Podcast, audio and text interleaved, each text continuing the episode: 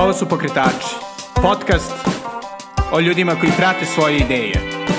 Ja sam Srđan Garčević. Dobrodošli. Ćao i dobrodošli u najnoviju epizodu Pokretača.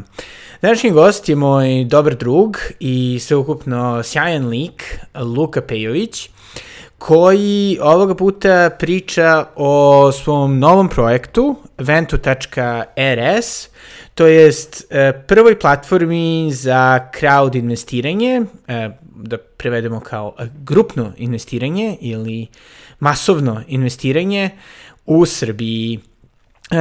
Naravno, čućete o tome šta crowd investing znači, o naporima kroz koje je Luka prošao da E, podigne Vento.rs na noge, dok je pritom radio kao finansijski konsultant u BDO-u, e, ali i o njegovim iskustvima na našoj e, preduzetničkoj sceni u kojoj je bio uključen pa već 5-6 godina sada, od kada se vratio iz Nemačke, a naravno konačno i o tome kako izgleda vratiti se iz Nemačke, jeli, e, zemlje obećane.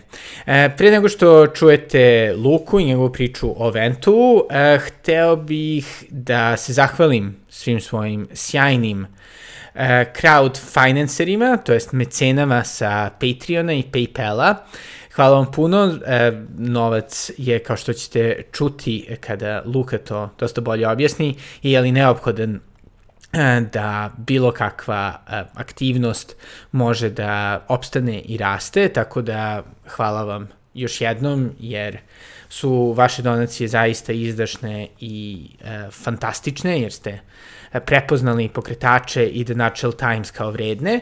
E, I naravno, ukoliko vi ostali koji još niste mecene, želite da e, se pozdravite od male količine vašeg novca kako biste mi pomogli ovim projektima, to možete učiniti na adresi patreon.com kosacrta Belgrade i, na, i preko pre, Paypala i preko Paypala i preko Paypala na adresi paypal.me kosacrta s Garcevic.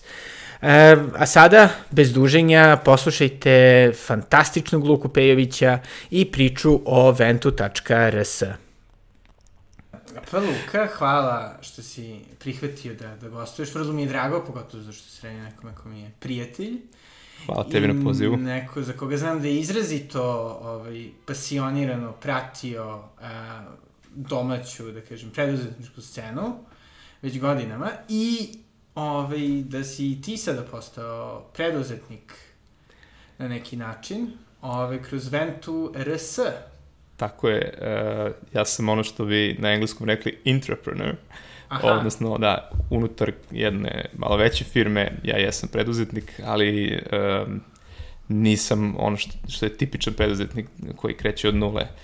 Uh, tako da, eto, to je mala razlika. Da, da, i ovaj, pošto se radi o vrlo zanimljivoj platformi, koja je zanimljiva, jeli, i za intraprenure, i za ovaj, preduzetnike, to je slušalce, ovaj bi otprilike ukratko mogao da, da objasniš šta tačno znači crowd investing Uh, vrlo rad. Evo, prvo da, da objasnim jedan malo uh, nadređen termin koji uh, je poznat malo već, široj publici, a to je crowdfunding.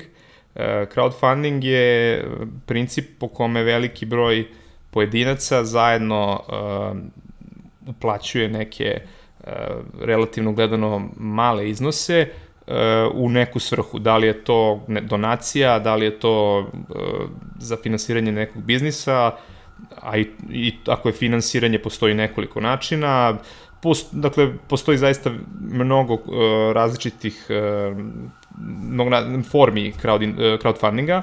Jedna od njih je crowd investing, koja, uh, za razliku od, recimo, uh, reward-based, odnosno nagradnog crowdfundinga, koji je poznat, postao poznat zahvaljujući Kickstarteru i Indiegogu, uh, koji ima takozvane bekere, odnosno pojedince koji uplaćuju iznos za koji dobijaju neku nagradu za uzvrat. Uh, kod crowd, investinga se radi zaista o klasičnoj monetarnoj investiciji. Dakle, vi no, novac kada date ne očekujete da dobijete nazad nagradu, ne, dobijate, ne, ne čekate da se nešto, neki prototip razvije pa da, da ga dobijete po nekoj povlašenoj ceni ili brže nego što će ga ostatak tržišta dobiti ili tako nešto što je uobičajeno za Indiegogo i Kickstarter, već e, zaista investirate e, novac. E, sad i tu postoje, e, da, investirate novac sa, sa namerom da dobijete neki prinos ovaj, i koji će se takođe e, isplatiti u, u, u novcu, dakle ne u nekoj nagradi. Um, sad i tu postoji nekoliko različitih formi, uh, jedna od njih je takozvani equity crowdfunding, uh, koji podrazumeva, on je vrlo sličan u stvari uporediv sa, sa berzom. Dakle, podrazumeva investiciju kojom se stiče udeo u vlasništvu uh, neke kompanije. Uh, isto kao što na berzi kupite akciju, tako i um, ovde kupujete udeo u vlasništvu neke kompanije. E sad, to nije ništa od ovoga što sam upisao, nije ono što mi zapravo radimo. E, crowd investing u onom, onoj formi koju mi radimo je zapravo crowd lending, jer e, investitori daju zajam, e, njihova investicija je zapravo subordinirani zajam, koji ima i neka svojstva klasičnog duga, odnosno pre svega je dug, ali ima i neka svojstva takozvanog equity investiranja, zato što prinos delimično zavisi od uh, performansa kompanije. Dakle, što, kada investirate, uh, vi, koliko, će, koliko će biti prinos na vašu investiciju je delimično uh, pokriveno nekom fiksnom kamatnom stopom, dakle, recimo, ja pozemim tebi 100 eura i fiksno ćeš vraćati to u nekim ratama sa kamatom od 5%, Međutim, ako se tvoj biznis plan realizuje onako kako si mi prezentovao u trenutku kada sam ti pozajmio novac, ja mogu da dobijem u zavisnosti od performansa još dodatnih pola, 1, 1,5%, tako dalje. I da, to... Znači, u suštini postoji donji limit koji je fiksiran. Postoji, tako je, donji limit, postoji i taj neki upside, da se poslužim tom engleskom reči u nedostatku... Starom srpskom. Da, u nedostatku uh, bolje, odnosno uh, u nedostatku mog poznavanja sobstvenog jezika, ovaj, um, u svakom slučaju, dakle, postoji, uh, postoji neki interes uh, investitora da kompanija posluje, ne samo da mu vrati novac po od, od, određenoj dinamici sa određenom kamatnom stopom, već i da premaši uh, ono što je uh, zacrtano u biznis planu, jer što bude bolje išlo kompaniji uh, i njegov će prinos biti veći. To je onako na, na prvi pogled to zvuči kao nešto, nešto što je prilično tehničko i, i verovatno će se većina zapitati zašto ulazim toliko u detalje, ali zapravo je to jako važno, uh, imajući u vidu da um, je crowd investing kako ga mi radimo i baš zbog ove, zbog ove variabilne, ovog bonusa o kome sam pričao, zapravo koliko finansijski, pa skoro isto toliko i marketinški uh, instrument, zato što ako imate veliki broj investitora koji su zainteresovani ne samo da im vratite novac, nego da, da što bolje uh, da što više porastete, uh, oni postaju vaša zajednica, vaši brand ambasadori, koji, koji šire reč o, o tome šta vi radite u svom nekom okruženju, bit će vam verovatno najlojalniji kupci. Um, i u principu um, potencijalni, potencijalni poslovni partneri i, i generalno ono što zovemo zajednica. Tako da, da to, je, to je nešto što uh, promoteri prosto rečeno, ali i, i više od toga. I to je, to je jako bitno ovaj, zato što za, za male kompanije koje jesu naša ciljna grupa, takve stvari mogu da budu značajne. Znači, ako neko uspe da ubedi 300 ljudi da mu pozemi, pa neka bude to i 100 eura, to nije samo taj iznos koji će on dobiti, nego to je 300 ljudi koji su direktno zainteresovani da ne samo uh, ta kompanija uh, da vrati uh, dug, nego i da prosperira što je više moguće, jer će oni imati nešto od toga. Da, da. I ovaj, čisto mi interesuje da se da vratimo jedan korak nazad, to je zašto si ti mislio da je takav jedan instrument ovaj, potreban srpskom tržištu? Pa, uh, ja sam radio, uslovno rečeno i dalje radim uh, kao finansijski konsultant uh, u kompaniji koja se zove BDO Srbija, uh, koja je međunarodna konsultantsko-revizorska kuća i tamo smo se naravno, ja sam bio, kao što sam rekao, konsultant i savjetovali smo vrlo često kompanije u fundraising, odnosno prikupljenju sredstava uh, E, naravno, mi smo se najčešće bavili većim kompanijama, e, jer manje ne mogu da, da nas priušte. Međutim, i sa tim većima i sa manjim sa e, kojima onako radom na tržištu dođete u, u, u kontakt, konstantno se provlači neka priča o, o manjku dobrih izvora finansiranja u Srbiji, problemima koje jedno finansijsko tržište kao što je srpsko, koje potpuno bankocentrično ima i nekako smo prepoznali da ima jako puno uh, malih, kvalitetnih biznisa koji ne mogu da dobiju zajam od banke zato što nemaju kreditnu istoriju ili nemaju neke, uh, neku imovinu koju mogu da založe. Um, ili su imali u poslednje dve godine neku negativnu godinu koja je možda potpuno, potpuno anomalija u njihovom poslovanju, ali uh, banke zapravo ih i dalje ne vide jer one imaju svoje vrlo stroge, rigidne sisteme i u njima vrlo često, ako ste imali jednu lošu godinu poslednje dve ili tri, uopšte ne možete da aplicirate za, za kredit, ne da, da ga neko uopšte uzme u razmatranje.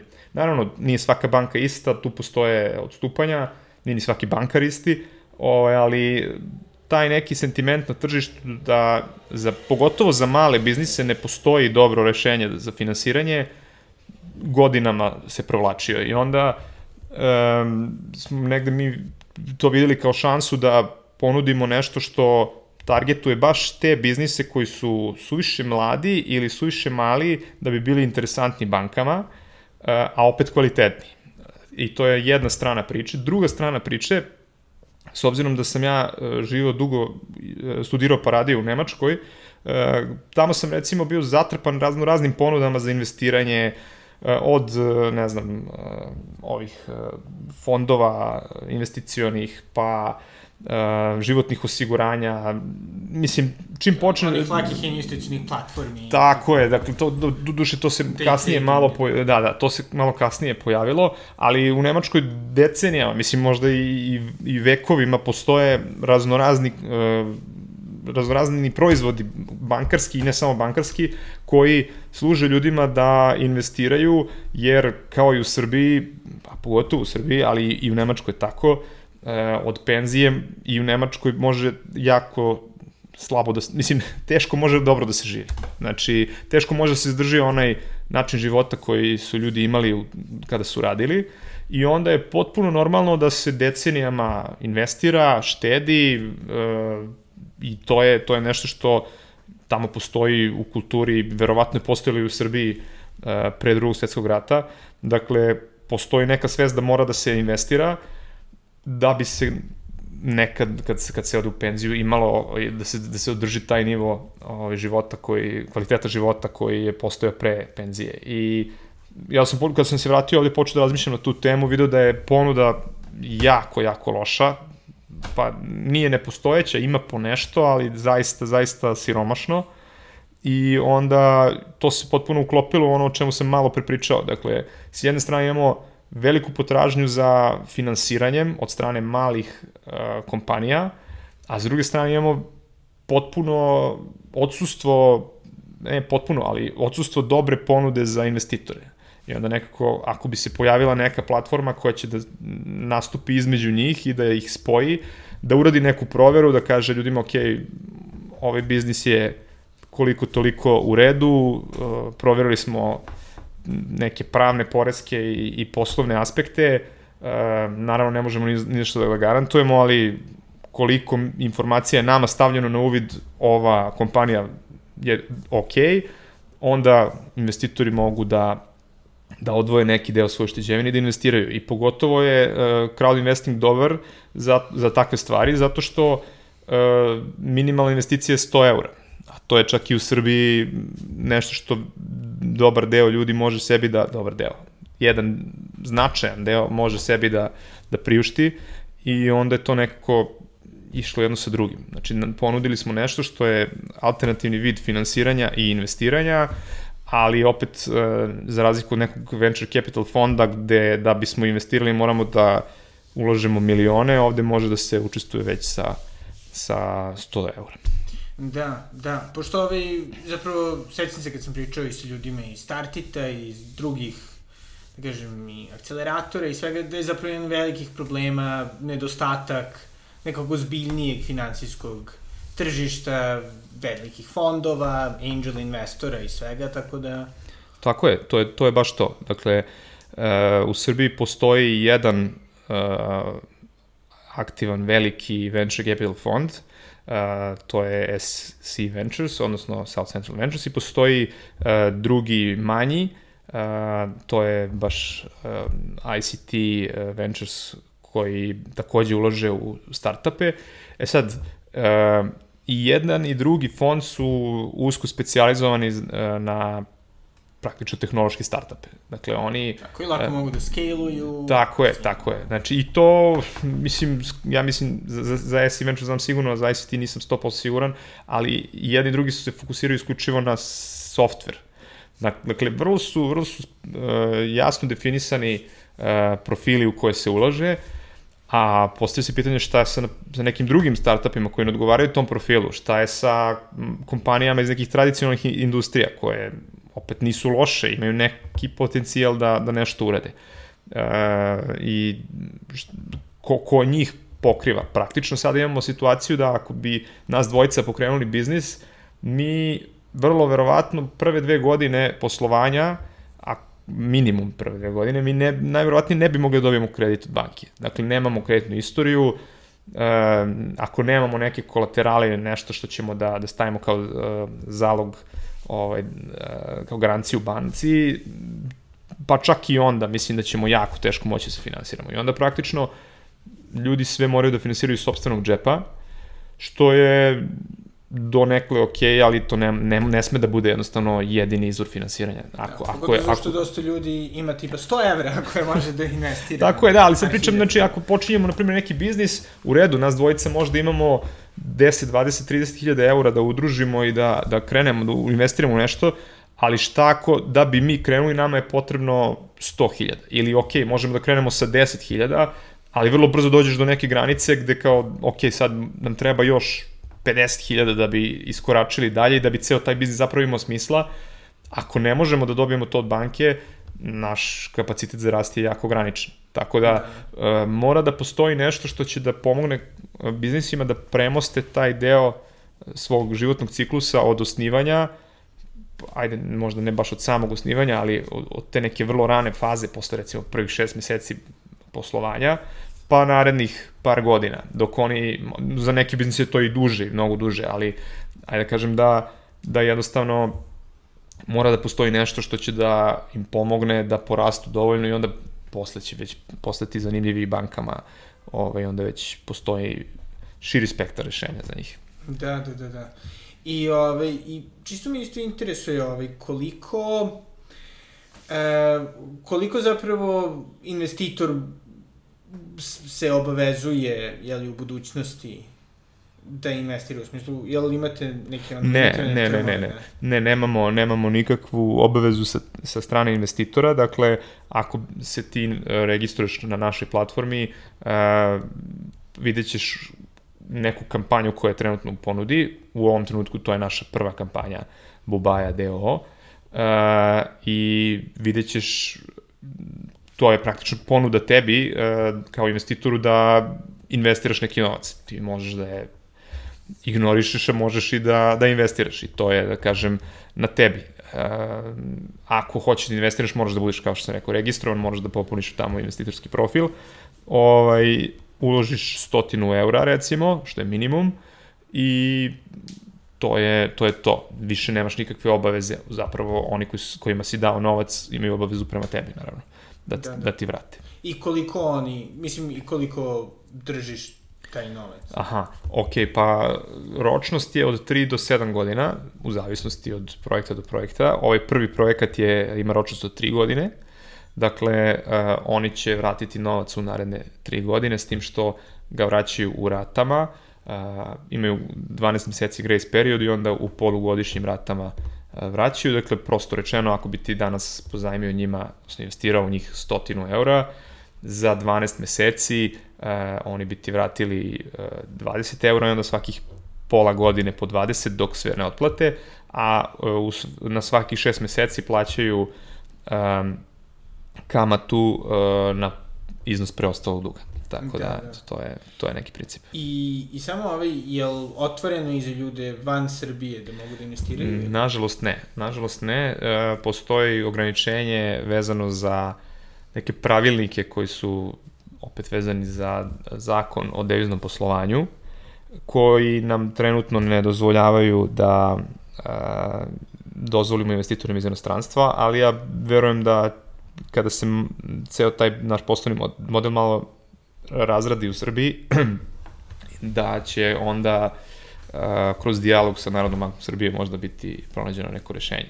Da, pošto recimo nije bilo loše da naši ove, penzioneri ili ove, ljudi sa malo više uh, da kažem, novca koji hoće da investiraju, ovaj, možda investiraju u Srbiju, ali ono, ko smo mi da kažemo, to Narodne banci Srbije. Pa da, naravno, mi smo... Ne ovaj, da da, da.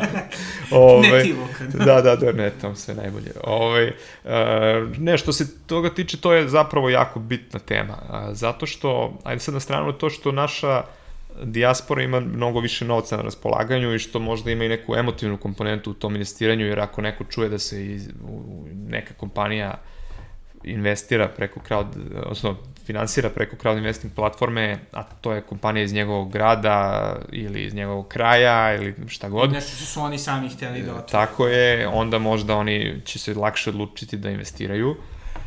A pritom im je taj e, način investiranja zapravo, oni žive u, u kulturama naj, najčešće ko, gde je to potpuno normalna stvar. Tako da su oni zaista skloni da, da investiraju, ali sa druge strane to je onaj finansijski, e, to je s jedne strane to je finansijski deo, a s druge strane onaj marketinški, jer ako a, mi omogućimo da ljudi iz čitavog sveta investiraju, te kompanije koje se pojave na platformi će imati jedan megafon ka klijenteli širom sveta. Dakle, ako pričamo o tome da, recimo, naša partnerska kompanija Konda, e, koja, sa kojom je BDO napravio Ventura S, e, oni su jako aktivni u nemačkom govornom području, gde je naša dijaspora izuzetno brojna. Sad, na primjer, ako bi neko hteo da izvozi nešto na, na, na ta tržišta, verovatno bi mu značilo to da ljudi iz tog, uh, iz tog dela Evrope mogu da investiraju, da, da makar čuju za njih. I možda se javi neki poslovni kontakt, možda neko investira uh, zato što zna da to radi tamo, pa u Srbiji je nešto, nešto od toga inovativno, tamo nije više i ovaj, tu zaista ima puno potencijala i onda a, taj novac koji dolazi iz dijaspore ne bi, bio, ne bi išao samo odnosno, toliko mnogo u potrošnju kao sada, nego možda bi išao jedan mali delić u, u investiciju. Da, da, da. A sada ovaj, da se bavimo malo samim procesom toga, kako znam, šta znači biti entrepreneur, pošto mi se čini da nekako dosta, makar kad sam ja još radio u korporacijama nekako bila je cijela ta stvar, ono, corporate entrepreneurship, mm -hmm. nemam pojma, ovaj, da. E, kreativno poslovanje, inovacije, sve to. E, i, I nekako čini mi se da, da je to dosta zanimljivo. Neko, kako si ti našao, da kažem, ono, vremena i želje da se, da se ovim baviš? Pošto je ozbiljan projekat u pitanju. Mislim, jeste projekat. Zakonski, mislim i, da, vrlo da, kompleksna stvar. Jeste, da, projekat je i dugo, mislim, prvi put kad sam pričao sa nekim na temu crowd investinga, to je zapravo bilo 2017. u novembru, znači pre tri godine, ovaj, kada, se, kada sam prvi put čuo za crowd investing, znao sam ranije za crowdfunding, I onda, ovaj, par meseci kasnije... Mislim da si ti došao, ne znam, svome šefu i rekao, e, imam super ideju. Da, da. Ja sam upoznao zapravo uh, jednog od vlasnika uh, Konde, znači naše partnerske kompanije iz Austrije. Upoznao sam ga na Belgrade Venture forumu i pitao sam ga čime se on bavi. Zanimljivo je bilo zašto da priča nemački i onda, pošto znam nemački, uvek koristim priliku da, da malo vežbam. Uh, Ovaj, I onda smo krenuli da pričamo, on mi je rekao crowd investing, ja stvarno nisam mnogo znao o tome, ako sam išta znao. I uh, posle nekog vremena, mislim, on, on je objasnio šta oni rade, šta imaju, dakle imaju crowd investing platformu u Austriji, gde startupi i male kompanije izlaze i prikupljaju kapital. I onda uh, se, ja sam zaista došao mom šefu i rekao za to, i on je rekao, ja, to bi bilo super kad bi mi kao konsultanti, pošto smo povremeno imali uh, kao klijente neke manje kompanije i tehnološke startupe, I onda kao, znali smo koliko je teško doći do finansiranja i ajde da pričamo sa tim Austrijancima da možda neka od tih kompanija izađe na tu platformu da se finansira u Austriji. Uh, odnosno da investitori iz Austrije, Nemačke i, i tog regiona mogu da investiraju u njih. Vrlo brzo posle prvo, prvog razgovora sa, sa Austrijancima shvatili smo da to pravno neće moći da se izvede uh, i da, mislim, vrlo, vrlo je prost bio njegov odgovor. Dakle, uh, Uh, ako hoćete da nekoga finansirate crowd investingom, morate da imate platformu u Srbiji. I to je, to je bilo to. I to je bila neka, neki začetak ideje. Narednih 2-3 meseca smo mi, uh, ja i moj uh, šef pričali o tome, pa onda ja, moj šef i njegov šef, i onda sam imao jednu prezentaciju za management kompanije gde sam uspeo da ih ubedim da, da je to vredno pažnje i tako je to onomad krenulo I evo, dve i po godine kasnije ovaj, počeli smo da radimo samo, samo dve i po godine kasnije. ovaj, ali to je bilo, dakle, da ne bude ono kao, e, da neko ne razume pogrešno, da, da je to zbog toga što je to u nekoj korporaciji ili u, ne, zapravo um, sve to, uzrok, uzroka ima više zašto je to toliko trajalo, a ja bih podelio u tri. Dakle, prvi je uh, istraživanje uopšte pravnih mogućnosti da se bavimo time čime se bavimo gde smo pisali jednu jako obsežnu studiju sa advokatima iz advokatske kancelarije Karanović Partners, gde smo došli do zaključka da ovaj vid crowd investinga može da, da je sprovodi u Srbiji. To bio prvi put da se iko time bavio kod nas. Ja mislim da jeste. Da, mislim, meni nije poznato. Bilo je, e, postojala je studija o crowdfundingu uh, i ona je obuhvatila jednim delom, ako se ne varam, a mislim da se ne varam, obuhvatili jednim delom, delom crowd investing i crowd lending, međutim, uh, oni su se fokusirali na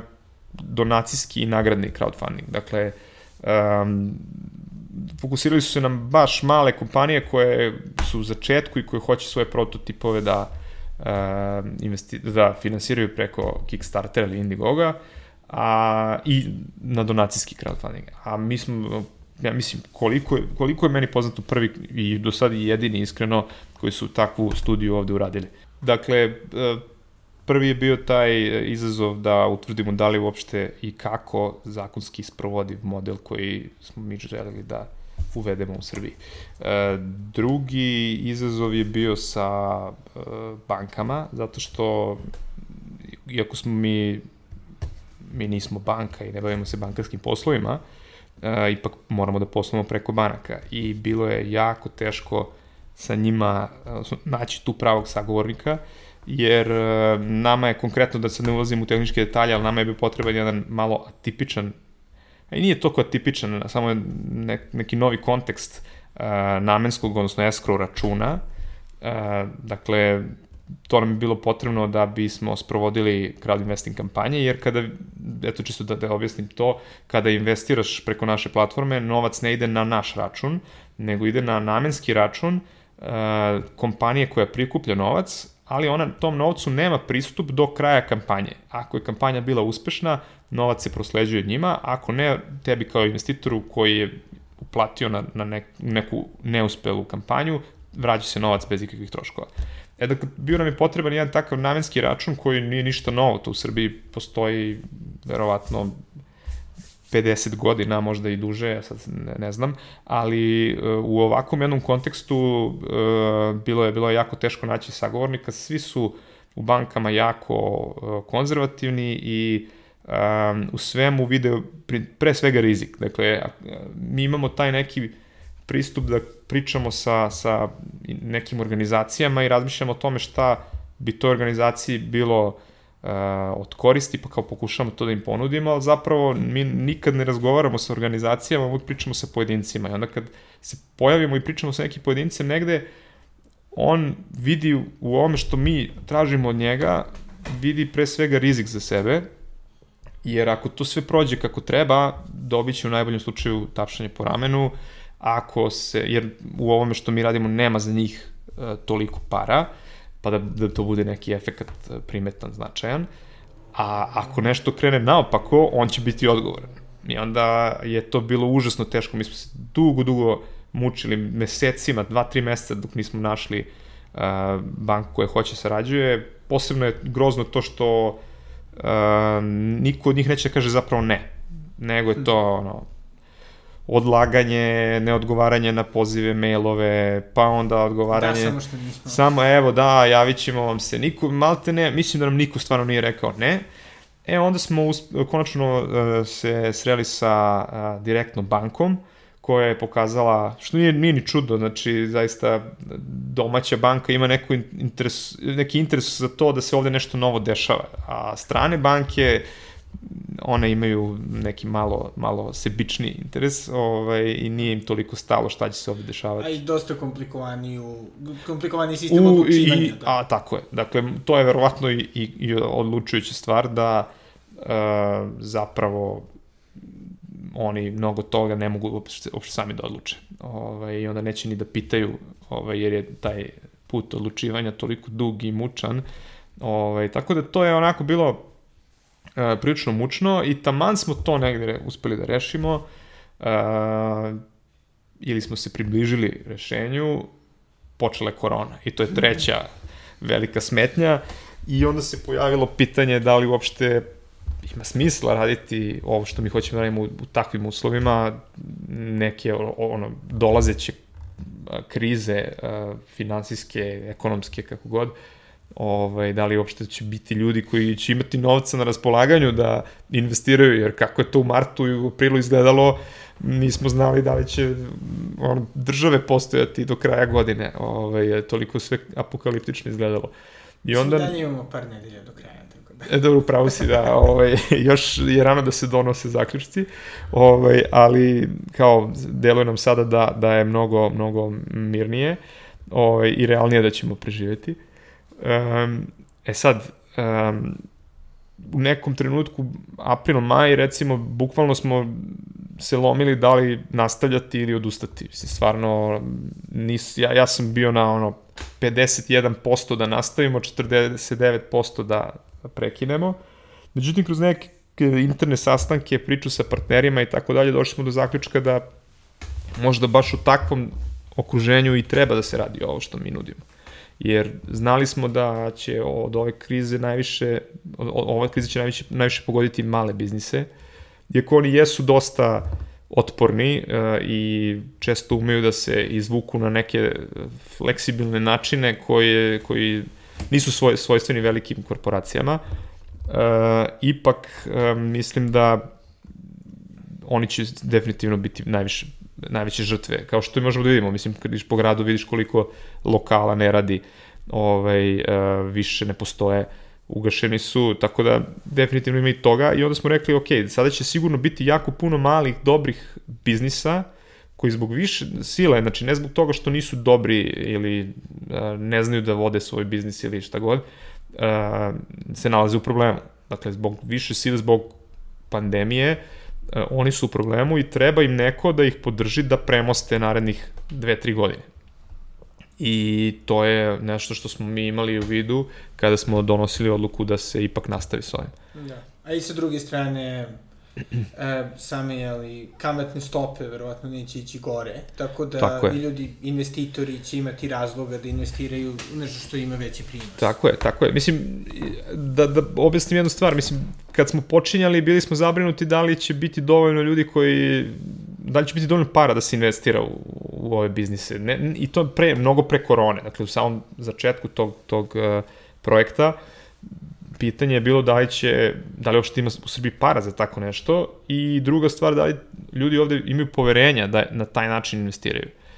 Um, mislim da što se para tiče, odgovor je krajnje jasan. Dakle, u bankama u Srbiji, u nekim štednim računima leži više od 10 milijardi evra. Mislim, to je novac koji po današnjim kamatnim stopama zapravo sa vremenom gubi na vrednosti, jer uh, kamate su toliko niske, one ne izjednačavaju ni uh, inflaciju.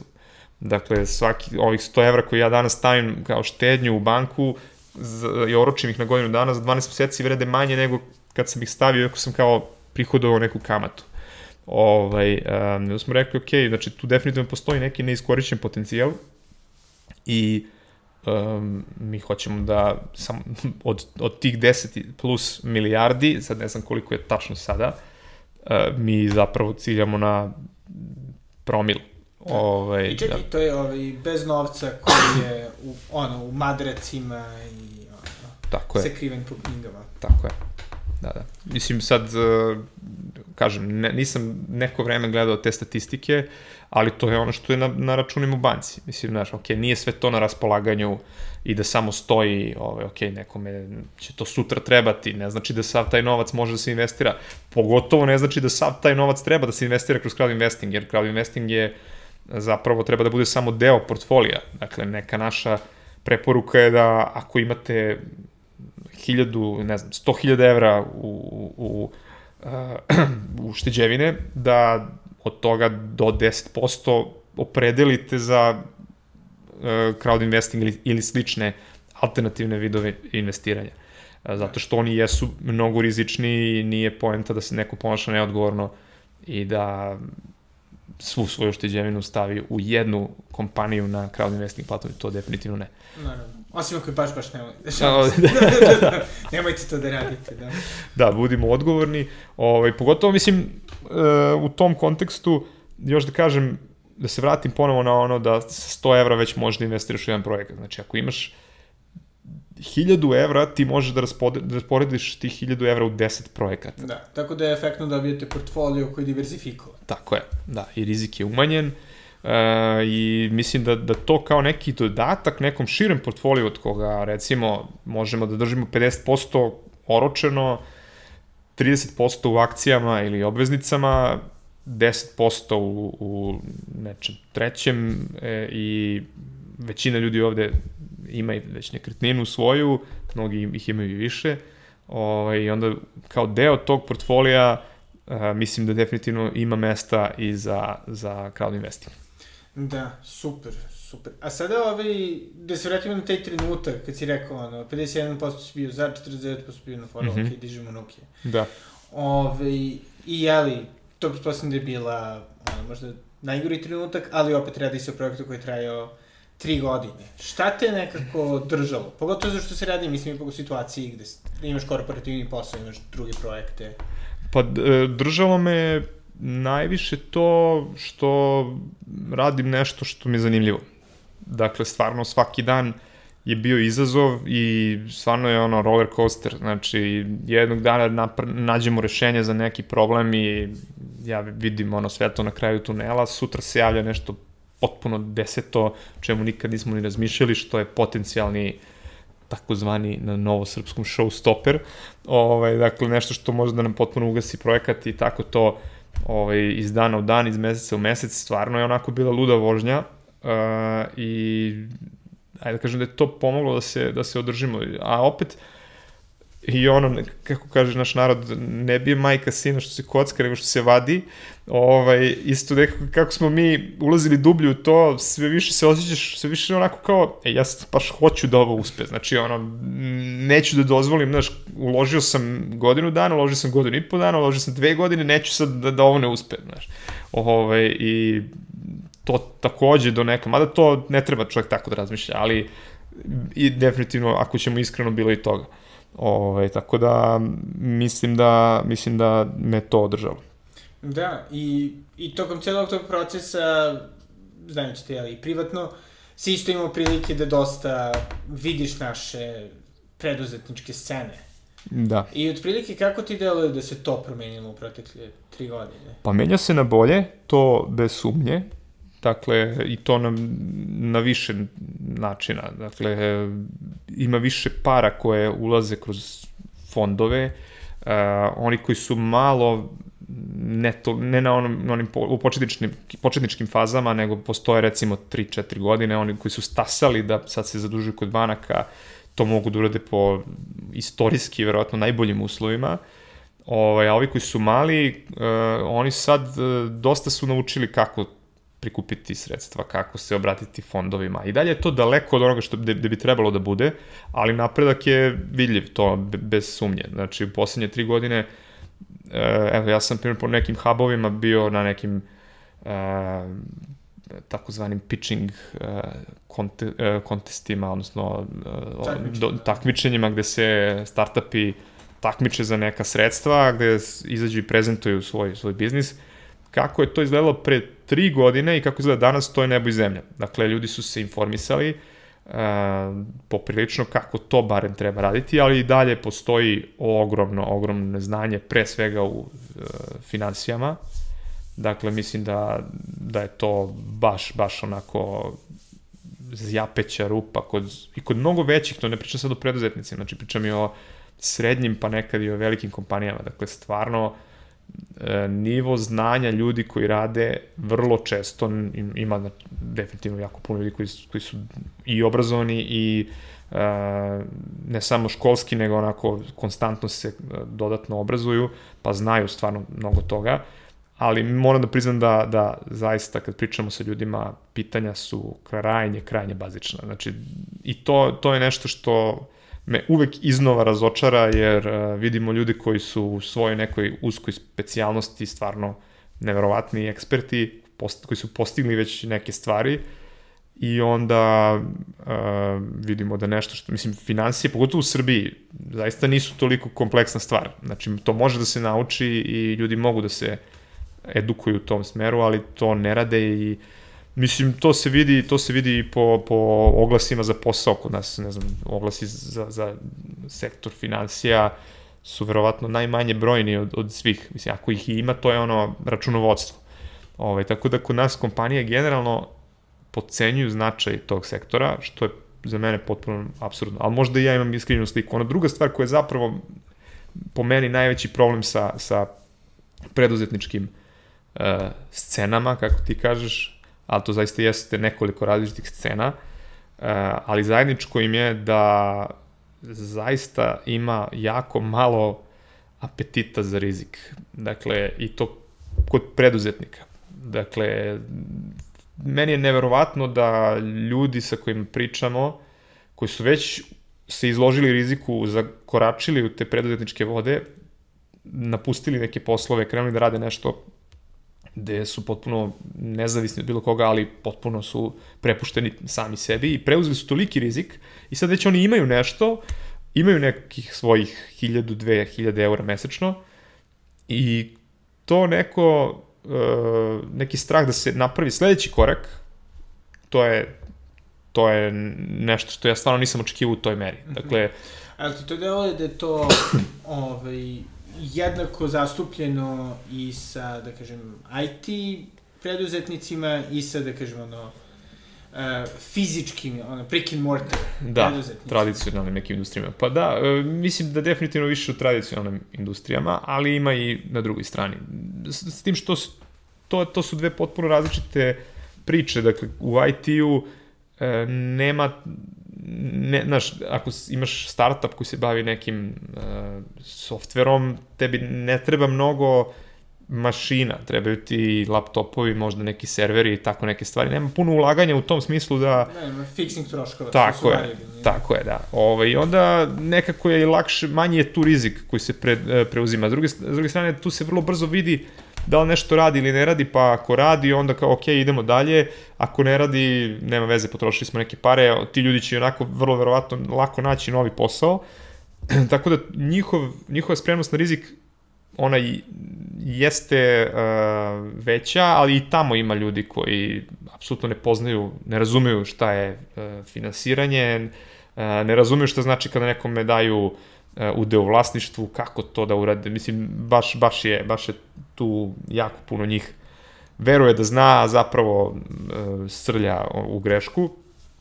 A sa druge strane, kod tradicionalnih industrija, e, taj, taj strah od e, rizika je mnogo veći, što je, kao što sam rekao, i prirodno. Znači, ako neko treba da, ako mu je sledeći korak u poslovanju da negde pozajmi 50 ili 100 hiljada eura, to je onako ozbiljan zalogaj. Dakle, toga u IT-u najčešće nema u tom obliku. Ovaj, e, tako da, mislim nije baš, ali m, u principu da. je tako da su ovde zaloga i malo, malo veći uh, i da je, da je tu zaista rizik ako odem u banku pa stavim neku hipoteku na, na, na, na svoj stan, pa mi oni daju 50.000 da bi kupio neku punilicu za neki sok, pivo ili ne znam šta god da pravim, pa onda to imam mašinu gde je vezan, vezan novac, pa treba da prodam to, taj, tu novu količinu koju, koju proizvodim.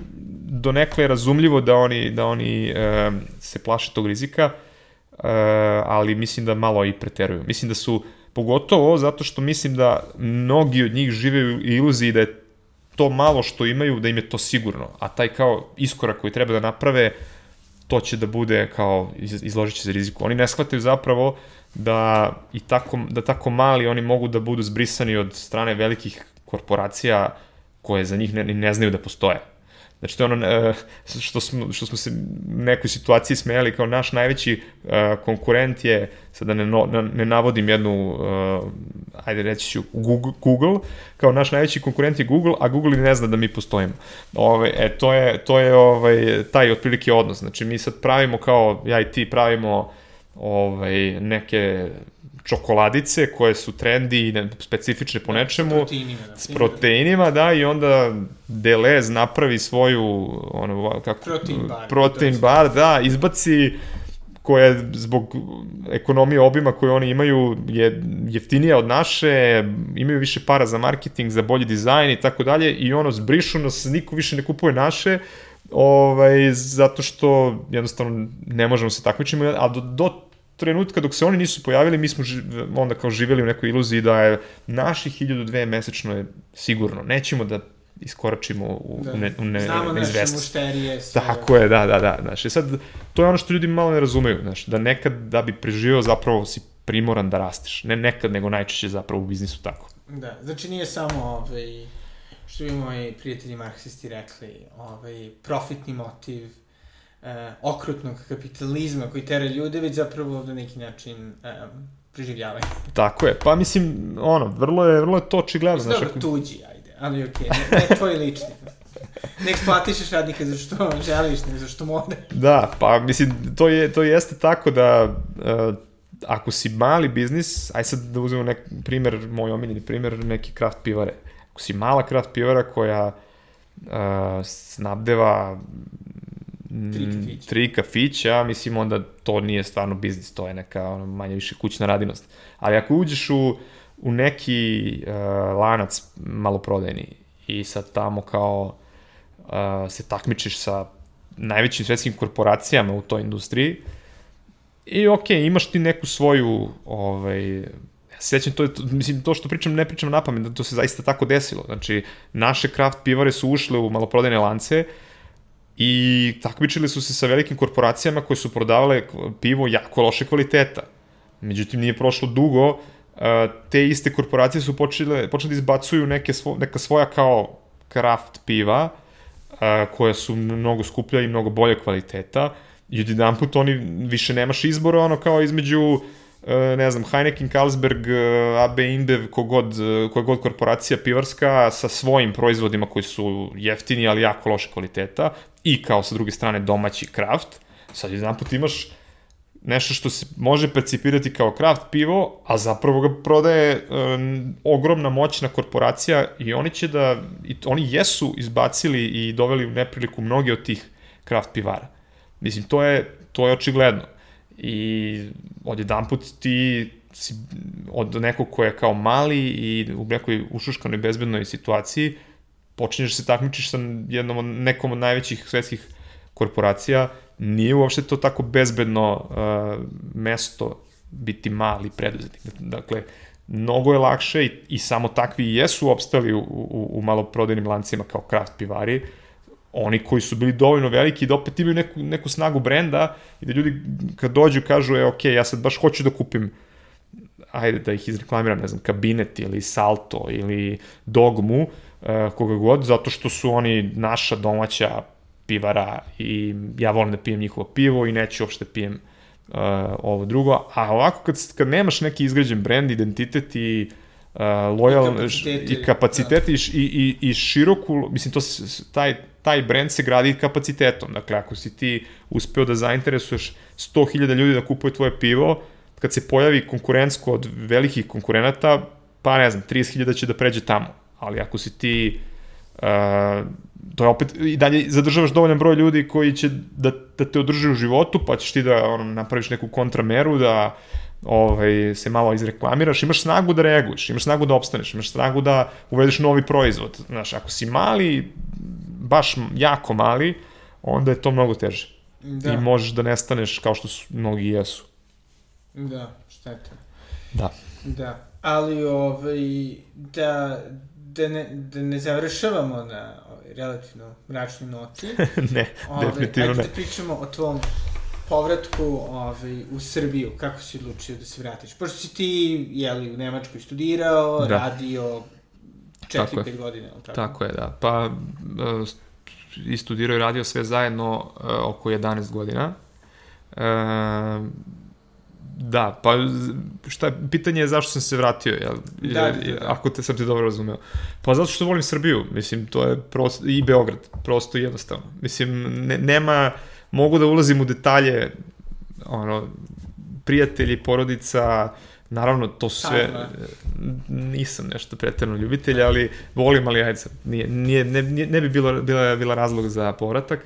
Ovaj, uh, ono što što je motiv je ovo što sam rekao, dakle, krajnje prosto, volim ovu zemlju, tu mi je veliki deo, najveći deo porodice i prijatelja i hteo sam da se vratim sad. Naravno, sto puta sam se onako zapitao da li sam napravio grešku i da li je trebalo da... I naravno da mi nedostaje Nemačka, takođe i, i tu zemlju jako volim i Düsseldorf u kom, gradu u kom sam živeo jako volim i uvek rado idem tamo i tamo imam puno prijatelja i ono kad bi čovjek mogu se e, rascepa na dva dela pa jedan manji deo bi vjerojatno ostao mene, e, manji deo mene bi ostao tamo ali pošto to ne možemo onda ovaj, sam odlučio da se ipak vratim ovde.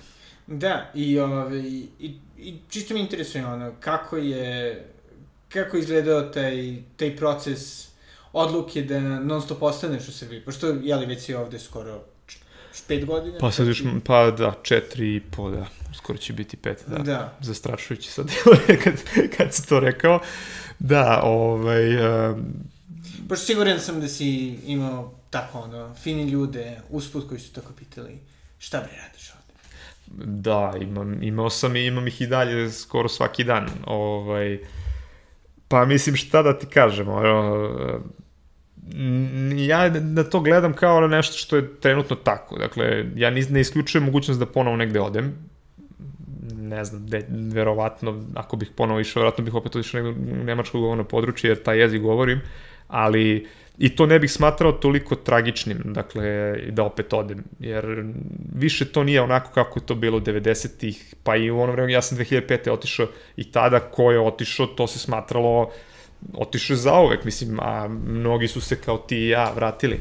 Ove, I danas to vidim kao, ok, ako se pon, pojavi neka ponuda u nekom trenutku, nešto što nikako ne bi smelo da se odbije, ovaj, ja možda bih ponovo i otišao, ali opet sa idejom da se vratim u Beograd. Tako da, ja to tako gledam. Ovaj, trenutno sam ovde gde najviše volim da budem, ako se pojavi, mislim, iskreno, život u Düsseldorfu je jako lep. Dakle, ja sam čak baš pričao neki dan sa svojom najboljom drugaricom kako sam ja zapravo živeo u Düsseldorfu u, pogrešno vreme. Ja, znači, ja sam, ja bi sad trebalo da živim tamo, jer to je sjajan grad za porodicu, e, za ljude od 30 pa na gore, a Beograd je... Misliš, vrlo mladi ljudi. e, Vrlo, Posto tinejdžere. da. Ovaj, um, a zapravo tad kad sam ono, kao bio student, ovaj, sam živao tamo, a sad kad bi trebalo kao da, da živim neki malo stabilniji život, ovaj, ja živim u, u Beogradu. Ovaj, tako da je to malo sam obrnuo, ali bože moj. Ovaj, Da, da. Da, super. I, ovaj, i eto sada, za sam kraj, šta bi, šta bi savjetovao ljudima koji slušaju ovu emisiju, uh, sede u svojim korporativnim poslovima, kako da ih učine boljim? Uf, to je jako, jako teško pitanje. jako teško pitanje kako jer to zavisi. Ja sam, na primjer, radio u Nemačkoj korporaciji koja je bila sjajna koja je teško da je moglo da se, mislim, mogli su naravno neke stvari se poboljšaju, ali bilo je super. Samo je pitanje šta čovjek želi. Ako, ako neko želi stabilnost, uh, da radi od 9 do 5 uh, i da radi u nekom kolektivu gde su vrlo jasno podeljene uloge, da se koliko toliko ceni ono što radi, ceni se njegova, njegov doprinos, ne želi da se izlaže nekom pretrednom riziku, ne želi da ovaj, um, mada opet i to, i taj, to ne izlaganje riziku je upitno, ovaj, ali ajde da kažem da, da ja to mogu da razumem i mislim da, da onda čovjek treba da gleda kako da jedino, jedina opasnost tu vreba da postane e, nepotreban u nekom trenutku. Dakle, ako se suviše usedimo na nekom poslu, ako se ne, ne usavršavamo konstantno, pretrčat će nas tehnologije i, i razvoj, uopšte progres, i onda ćemo biti ono, suvišna radna snaga.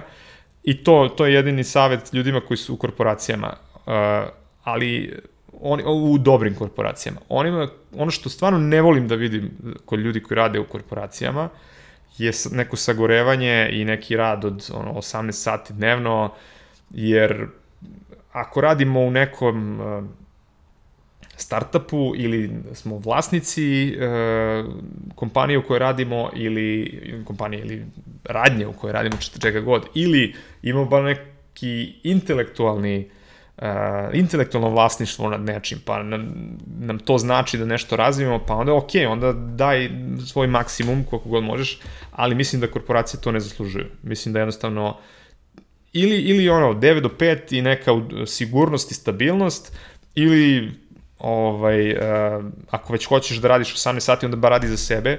Ovaj, ne mogu da, da, da razumem i da pozdravim uh, pona, ponašanje ljudi koji sagorevaju i uh, teraju drugi da teraju druge da sagorevaju i razboljevaju se u, na korporacijskim poslovima. To, to jednostavno je, to je ono što je neka moja poruka, ono, ako nemate tu stabilnost i to da u pet možete odete kući i da sa, ili ajde ne, bude šest, da sa svojom porodicom provedete ostatak dana, ili prijateljima, ili partnerom, šta god, ovaj, nego vas neko tamo izrabljuje sa nekim, nekom šagarepicom, ovaj, kao eto, napredovaćeš u, u hjerarhiji i bit će, ne znam, bolji poslovni, ovaj, da, poslovni auto, službeni auto ili um, još malo veća plata i sve to, verujte mi, ono, najčešće to to je samo, samo šagarepa ovaj, i ništa drugo. To je zapravo samo malo duži štap. da, da, tako je, da. Tako je. Ništa. Ovaj da, da, završ, da završimo ovaj uh, marksistički crowd investing podcast. Hvala puno, Luka. Nema čemu, hvala tebi što si me pozvao.